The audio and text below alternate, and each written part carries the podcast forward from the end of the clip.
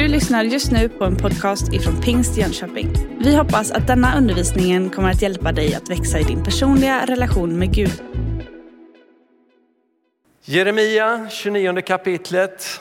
Där har ni hållit till några veckor och det ska vi hålla till idag också. Så vi läser från vers 1 till vers 11. Detta är vad som stod i det brev som profeten Jeremia sände från Jerusalem till de äldste som ännu levde kvar i fångenskapen och till prästerna, profeterna och allt folket, de som Nebukadnessar hade fört bort från Jerusalem till Babel. Sedan kung Jekonja hade lämnat Jerusalem tillsammans med drottningmodern och hovmännen, Juda och Jerusalems första samt hantverkarna och smederna. Jeremia sände brevet med Eliasa, Shafans son, och Gemarja, Hilkias son, när Juda kung Sidkia sände dem till Babels kung Nebukadnessar. Brevet löd, så säger Herren Sebaot, Israels Gud, till alla de fångar som jag har låtit föra bort från Jerusalem till Babel. Bygg hus och bo i dem. Plantera trädgårdar och ät deras frukt. Ta er hustrur och föd söner och döttrar. Ta hustrur åt era söner och gift bort era döttrar så att de föder söner och döttrar. Föröka er där och bli inte färre.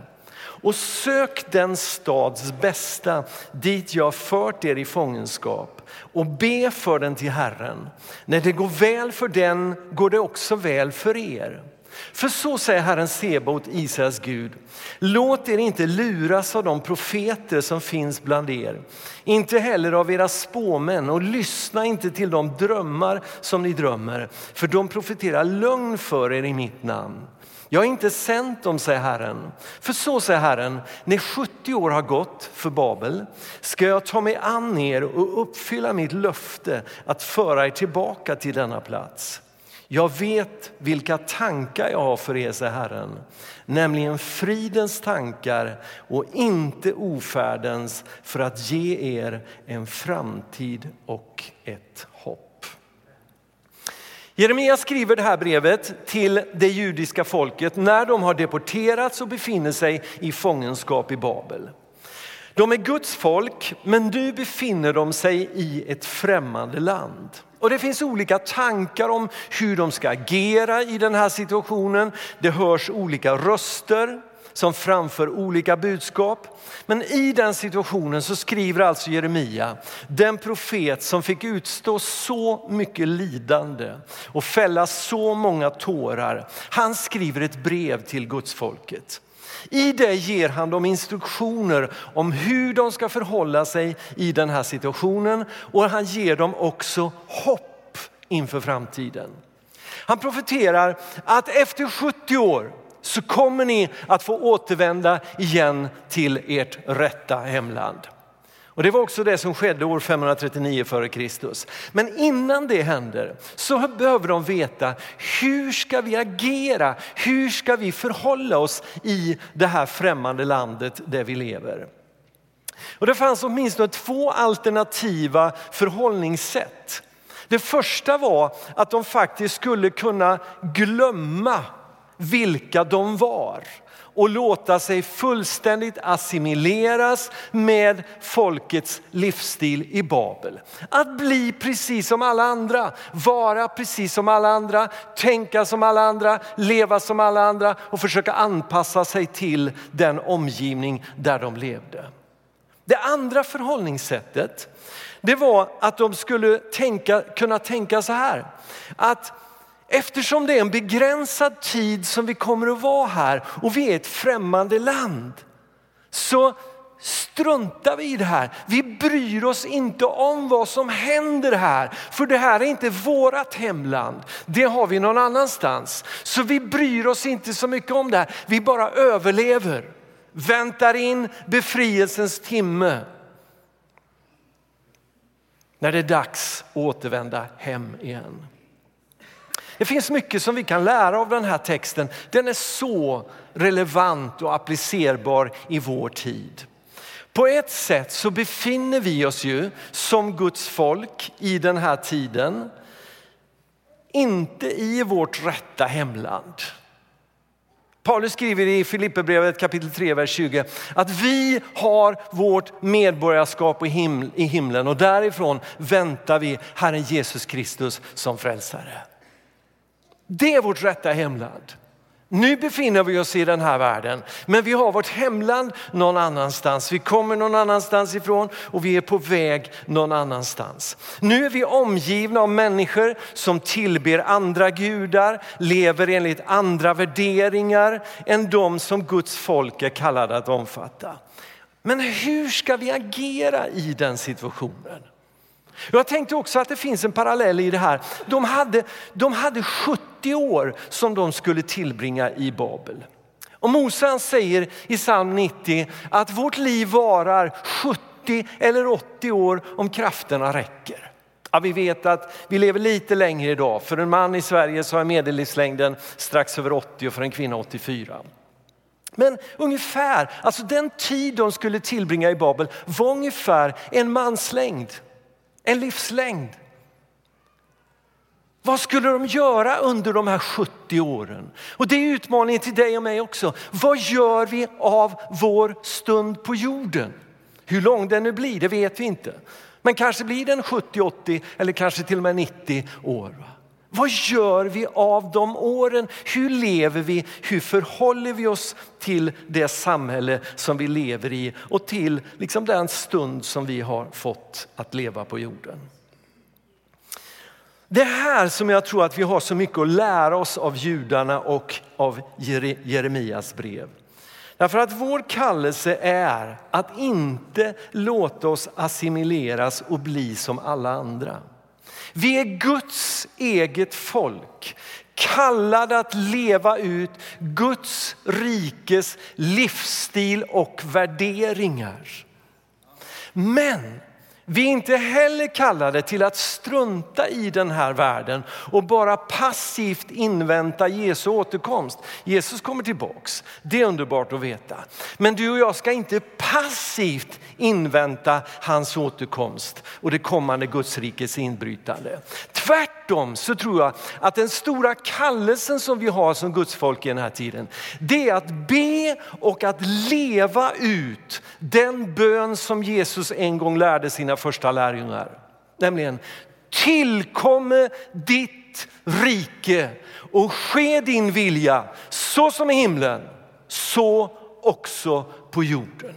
Det var kallelsen kallelse att be den bönen och att leva ut den bönen. I väntan på att Guds rikes fullhet ska komma så ska vi aktivt be och verka för att så mycket mycket som möjligt av en försmak av himlen ska kunna kännas redan i den här världen. Det är vår kallelse. Och det här som Jeremias brev liksom blir så, så bra och så talar så tydligt in i våra, situation. Det här som är skrivet för mer än två och ett halvt tusen år sedan landar mitt i våran verklighet där vi befinner oss i Sverige, i Jönköping, i verkligheten just nu.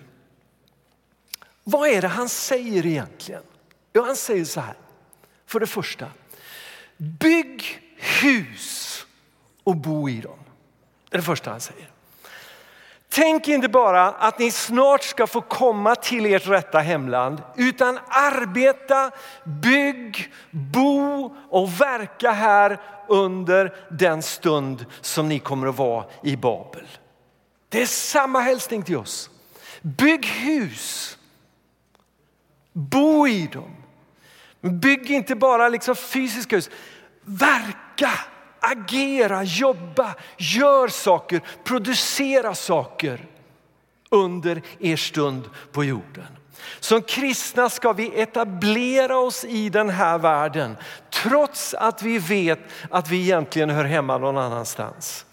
Vi ska etablera en tydlig Guds koloni, en Gudsrikes koloni här och nu i den här världen.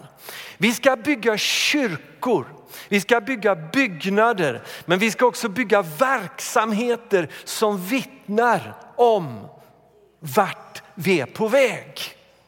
som ska vara något av en försmak av det som kommer. Och visst är det underbart att det finns människor, kristna, bröder och systrar som har gått före oss, som har byggt kyrkor i vårt land. Vi njuter idag av det som andra har gjort, av arbete som andra har gjort. Det finns kyrkor som har hundratals år på nacken som fortfarande står där som ett tydligt vittnesbörd om att det finns ett folk i den här världen som kommer någon annanstans ifrån och är på väg någon annanstans och bekänner att det finns en annan som är kung. Som ytterst är konung, som ytterst har makten, som ytterst regerar och som kommer att etablera sitt rike fullt ut när alla andra riken har skakat och inte längre står fast så kommer det riket att stå fast. Och det här med att bygga byggnader, jag tänker på, jag tänker på Evald, en man som var medlem i församlingen i Falun där vi var innan vi flyttade hit. Evald berättar för mig mot slutet av sitt liv att jag och min fru vi flyttade hit till Falun. Vi flyttade från Värmland, vi flyttade till Falun när vi fick höra att det skulle byggas en kyrka här i början på 90-talet. När Älvsborgskyrkan skulle byggas, då sa han, vi flyttar hit. Och vi flyttade hit för att göra två saker. Jag ville vara med och jobba och bygga. En gång i livet ville jag vara med och bygga en kyrka. Och så flyttade vi hit för att offra till det kyrkbygget. Det var syftet. Och när han berättade om det här så var han så glad, så tacksam för att han en gång i livet hade fått vara med och bygga en kyrka. Det är saligare att ge än att få. Det är sant. Och det finns många som har satsat, som har ansträngt sig både av sina tid och sina, sina pengar för att skapa det som vi har idag. Men du och jag som lever idag, vi är kallade att gå vidare, att bygga vidare. Både rent fysiskt, bygga byggnader som blir Guds rikes kolonier. Där någonting av det som Gud vill göra i den, här tid, i, i, i den här tiden får förverkligas och blir en försmak av riket som kommer. Men vi ska också bygga på andra sätt. Mer billigt talat, bygga verksamheter, etablera saker som får bli till välsignelse för människor i den här tiden. Det andra han säger det är plantera trädgårdar och ät deras frukt. Vi ska också så, plantera, odla, kultivera och se någonting växa upp och bära frukt.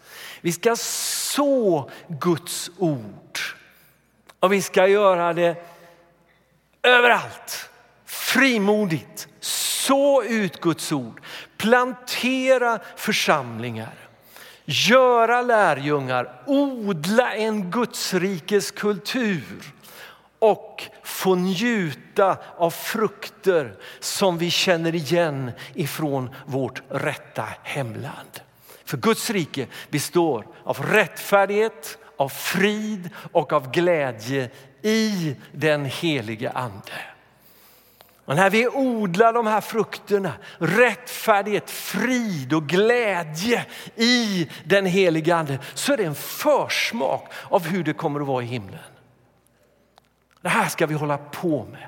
Det är vår kallelse.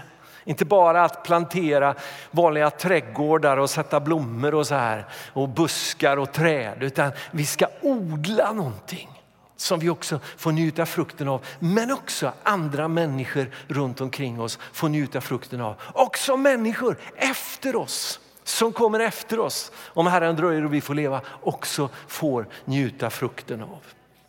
För det tredje så säger han, gift er och föd barn. Ja, han säger så här egentligen, ta er hustrur, föd söner och döttrar, ta hustrur till era söner och gift bort era döttrar så att de föder söner och döttrar. Föröka er där och bli inte färre. Man kan sammanfatta det i orden, gift er och föd barn. En del hävdar att Gud är sexualfientlig och att den kristna tron har med sexualfientlighet att göra. Men det första som Gud sa till de första människorna, det var faktiskt var fruktsamma, föröka er och uppfyll jorden. Med andra ord, det första Gud sa det var ha sex. Eller hur? Det är en förutsättning för att det här ska kunna ske. Va? Så Gud är på inget sätt sexualfientlig. Bland det första Gud gör också, det är att han instiftar äktenskapet mellan en man och en kvinna. Och Gud har inte ändrat sig. Hans kallelse till oss som hans folk idag är fortfarande att vi ska gifta oss, vi ska hålla äktenskapet i ära och vi ska föda nya barn. Sen har vissa en kallelse att leva i celibat och det är fullt. Det är liksom ingenting som är något second class liksom i det. Va? Men vår primära kallelse här som, som gäller majoriteten, det är ändå att fortsätta gifta oss, leva i överlåtna förbundsrelationer, ära äktenskapet och se nya barn födas. Sen vet vi att vi lever i en trasig värld där vi behöver handskas med stor kärlek och respekt med människor som kämpar med sin sexuella identitet och moraliska frestelser av olika slag. Men visst är det ganska intressant det som har hänt de sista veckorna nu. Genomslaget när det gäller hashtag metoo-kampanjen. Att mitt i ett samhälle där vi bara talar, lev ut sexualiteten fritt. Hur som helst, var som helst, när som helst, med vem som helst. Så kommer det en motreaktion. Där vi frågar efter moraliska koder på det här området. Och du och jag som kristenhet ska sannerligen inte skämmas för den traditionella kristna sexualetiken. Den behöver förkunnas idag mer än kanske någon gång tidigare. Men den ska, den ska predikas med en varm kärleksfull attityd. Vi firar 500-årsminnet av reformationen nu till veckan. En man som står upp frimodigt och säger skriften alena. Det är de fotstegen vi ska gå. Jag har hellre Gud och Guds ord i ryggen än hela den här världens bifall. För det fjärde, föröka er där och bli inte färre. Ända från början så har Guds folk burit en kallelse att föröka sig, bli fler och uppfylla jorden. Och det var också Jeremias budskap till Guds folket i exil. Och det var en liknande kallelse som gavs till de första kristna. Gå därför ut och gör alla folk till lärjungar. Ni ska föröka er, ni ska bli fler, ni ska inte bli färre, ni ska bli fler. Här behöver vi, tror jag, som kristenhet i vårt land inta en mycket mer offensiv hållning. Ibland liknar våra församlingar korpfotbollslag, för att använda bilden av fotboll igen. Då. Vi liknar korpfotbollslag, vi, vi spelar mest för att det är kul att hålla på och spela. Ja, det är väl inte alltid så i korpen kanske, men ibland är det så. Det är inte så viktigt hur det går, det viktigaste är det är kul att hålla på. Och ibland så är det så i kyrkorna också. Det är inte så noga om det blir något resultat eller så. Det är kul att hålla på i alla fall. Vi har någonting att göra på söndag förmiddagarna i varje fall. Andra församlingar, de, de spelar för att inte förlora. Som J Södra ungefär. Hur många gånger i år har inte J parkerat bussen längst ner framför målet och så har man spelat för att inte släppa in något mål bakåt. Man spelar för att inte förlora. Kan vi hålla 0-0 så är vi så nöjda. Så är det i kyrkan också ibland. Ja, men vi är inte färre i år i alla fall än vad vi var förra året. Vi håller status quo så finns det andra församlingar. De spelar för att vinna. De är mer inriktade på att vinna än att undvika att förlora. De har inte nödvändigtvis mer talangfulla spelare än andra lag. Men de är hängivet inriktade på vi ska vinna nya människor. Vi ska bli fler. Jag hade en företagare som kom fram till mig vid ett tillfälle i Falun. Jag bodde där. Så sa han så här. Ni pastorer, sa Ni är så nöjda med alla kontakter som ni har. Oh, vi har så mycket kontakter och vår församling. Vi har sånt kontaktnät. Vi når så många människor. Det är så många människor som kommer på våra aktiviteter och konserter och barnverksamhet och alltihop. Vi har massor av människor som går och fikar här, äter räkmackor och de går och tränar i vår kyrka. Vi har sånt kontaktnät. Så sa Boris här, jag som företagare, jag kan inte vara nöjd med att jag bara har en massa kontakter. Jag måste fråga människor så här, ska det bli köp eller inte? Och jag kände, yes! Du sätter fingret på någonting. Vi är alldeles för dåliga att fråga människor, ska du ha det här eller inte? Vill du bli en kristen? Ska du ta emot Jesus? Nu har du gått en hel alfakurs, du har varit här i kyrkan i 13 år nu. Du har dina barn i verksamheten. Är det inte dags att du tar ett steg? Inte pressa människor, men ställa frågan. När frågar du senast en människa, vill du bli en kristen? Om vi ska vara ärliga. Igår var någon, underbart. Det är alldeles för länge sedan, det borde ha frågat idag.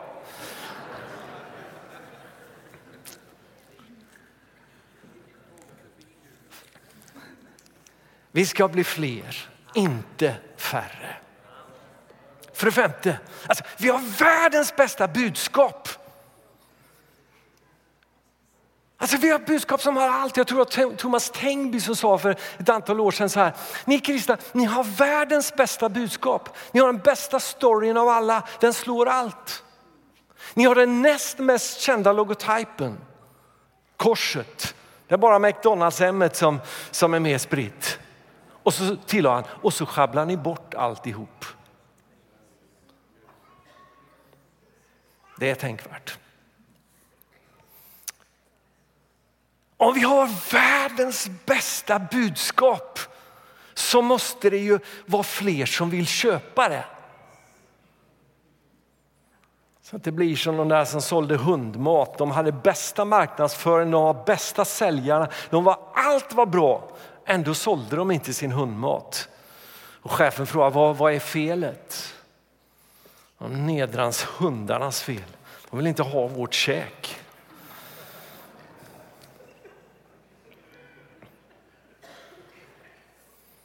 För det femte så säger Jeremia så här, sök stadens bästa. Judarna levde här i en henisk gudsfrånvänd miljö. Ändå var deras kallelse att söka stadens bästa. Ni ska be att det går så bra som möjligt för den här staden. Ni ska agera för att det här ska bli en så bra stad som möjligt att leva i. Det ska vi också göra. Vi ska fråga oss hur vi som församlingar kan betjäna och göra gott för staden. Vi ska söka fylla behov som finns i vårt samhälle. De första kristna var väldigt hårt ansatta. De var förföljda. Man gjorde dem illa. Och de svarade med att göra. Och man förvånar sig. Varför gör de så mycket gott? Jag hörde i veckan om något som tydligen hade hänt i Göteborg. En kvinna som vid flera tillfällen såg en ung pojke som satt barfota. Och till slut så kände hon att hon var tvungen att göra någonting som tog med sig den här killen till en skoaffär. Och så såg hon till att hans fötter blev tvättade. Och så såg hon till att han fick strumpor och skor att sätta på sig. Och så tittar pojken på den här kvinnan.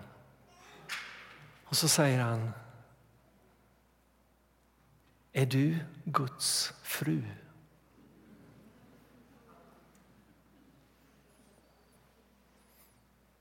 Församlingen ska vara Guds fru.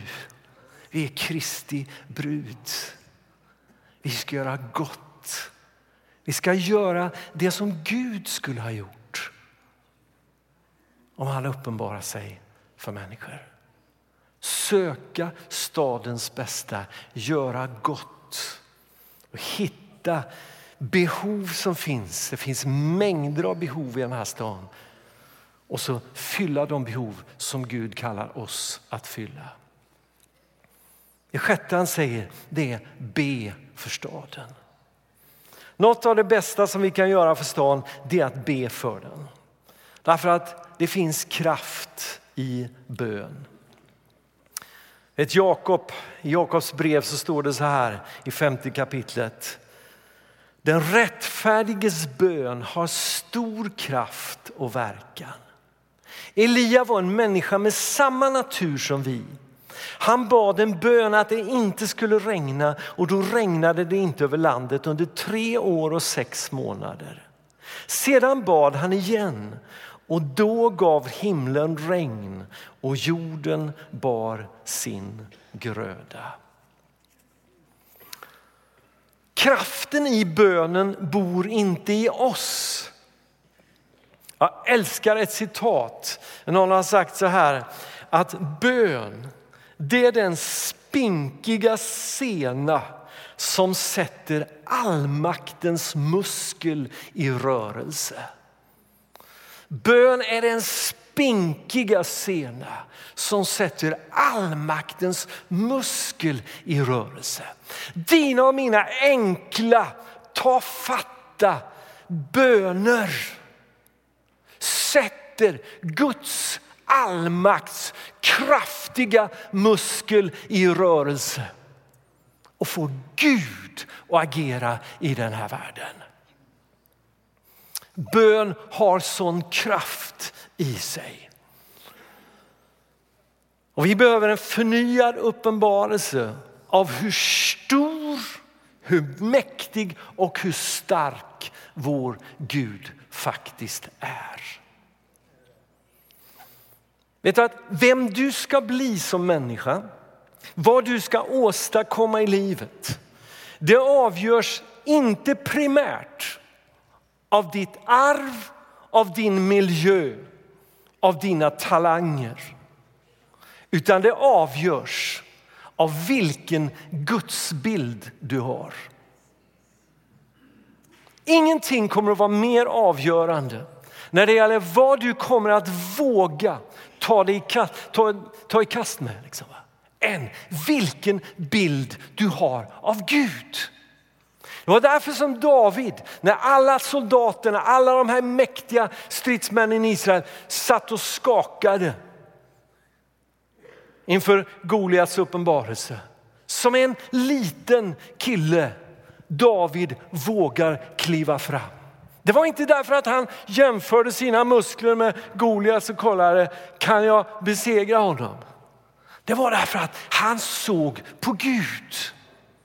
Han visste, den här filisten, han har utmanat min Gud. Han har utmanat den levande guden. Det kan bara sluta på ett sätt. Och så vågar han gå ut i striden. Den bild du har av Gud, gudsbilden, kommer att vara avgörande för vad du kommer att åstadkomma i livet. Mer än någonting annat. Jag säger inte att arv och miljö och talang inte är viktigt, det är inte det jag säger. Det finns någonting som kommer att ha ännu större betydelse och det är vilken, Gud, vilken bild av Gud vi har. Bön kan än en gång förvandla den här stan. Låt oss inspirerade av det här exemplet ifrån Jakobs brev och Elias exempel där be om ett andligt regn över den här stan som inte liknar något som vi tidigare har upplevt. Det har varit torrt ett antal år. Men det kan regna igen. Vet du det? Guds folk kan få be så att Herren låter regn falla över den här stan. På ett kraftfullare sätt än vad vi någonsin har sett. Så att marken får ge sin gröda och vi får bärga in en riktigt stor skörd för Guds rike. Det finns alldeles för många som har gett upp hoppet för Guds församling. Det finns så många som tror att församlingen har sett sina bästa dagar och att vi nu bara ska försöka övervintra i väntan på att Jesus ska komma för att rädda en liten räddhågsen ynklig skara. Men jag tror att Jesus likt Jeremia vid det här tillfället vill tala till oss om att det finns en framtid och det finns ett hopp för hans folk och för hans församling. Sen får det heta vad det vill. Vi får sätta vilka etiketter och kalla våra församlingar vad vi vill. Men det finns en framtid och ett hopp. Ytterst sa vi ett, en framtid i, i Guds eviga rike. Men redan här så finns det faktiskt en framtid och ett hopp. Därför att Gud älskar fortfarande den här världen. Gud älskar fortfarande Sverige. Gud älskar fortfarande Jönköping. Och Gud kommer ihåg vad som har skett också utifrån den här församlingen. Sänd ditt bröd över vattnet. I tidens längd kommer det tillbaks. Det finns en framtid och det finns ett hopp om vi vågar tro det och agera utifrån det. Jag läste om en biskop från den amerikanska östkusten som för många år sedan besökte ett litet kristet college i Midwest. Han fick bo hemma hos skolans rektor. Efter middagen slog biskopen fast att nu borde inte tusenårsriket vara så långt borta eftersom i princip allt hade utforskats och alla uppfinningar hade gjorts. Rektorn höll inte riktigt med honom. Så biskopen utmanade då rektorn att ge ett exempel på någon uppfinning som ännu inte har gjorts. Rektorn svarade att han var övertygad om att inom 50 år så skulle vi människor kunna flyga. Nonsens fräste biskopen förorättad. Bara änglar är avsedda att flyga. Biskopens namn var Wright. Han hade två söner som eh, hade betydligt större visioner än sin far. En heter Arwill och en heter Wilbur. De var uppfinnare och den 17 december 1903 så kom de att genomföra de allra första kontrollerade flygningarna med en motordriven flygmaskin. Den dagen lyfte deras dubbelvingade lilla flygplan från en sandstrand i Kitty Hawk i North Carolina och resten är som vi brukar säga historia.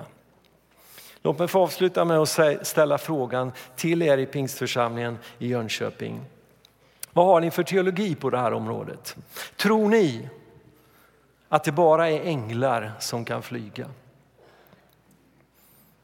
Eller utmanar och uppmuntrar ni människor att våga drömma stort? Har ni synen att vi redan har upplevt allt som går att uppleva av Gud på den här jorden? Vi har redan varit med om allt. Vi har prickat av, vi är frälsta, check. Döpta, check. Andedöpta, check. Talat i tungor, check. Det är bra, men det är bara början. Det finns så mycket mer. Gud har så mycket mer. Tror ni som skriften säger att Gud kan göra mer, långt mer än allt vad vi kan be eller tänka genom den kraft som han så mäktigt låter verka i oss? Eller har vi redan upplevt allt? Finns det mer? Den här församlingen har varit till stor välsignelse i historien. Men den kan fortfarande få lyfta och nå ännu högre höjder.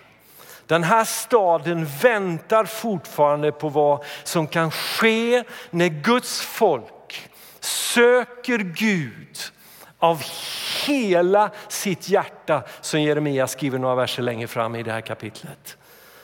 Och den här staden väntar fortfarande på att få se vad som kan ske när Guds folk på fullt allvar söker stadens bästa.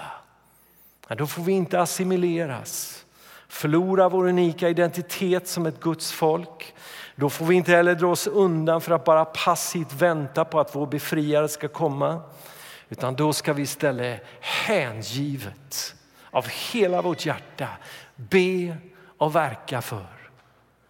Tillkommer ditt rike Gud och ske din vilja så som i himlen, så också i Jönköping. Du har just lyssnat på en podcast ifrån Pingst Jönköping. För att få reda på mer om vilka vi är och vad som händer i vår kyrka så kan du gå in på pingstjonkoping.se eller följa oss på sociala medier via pingstjkpg.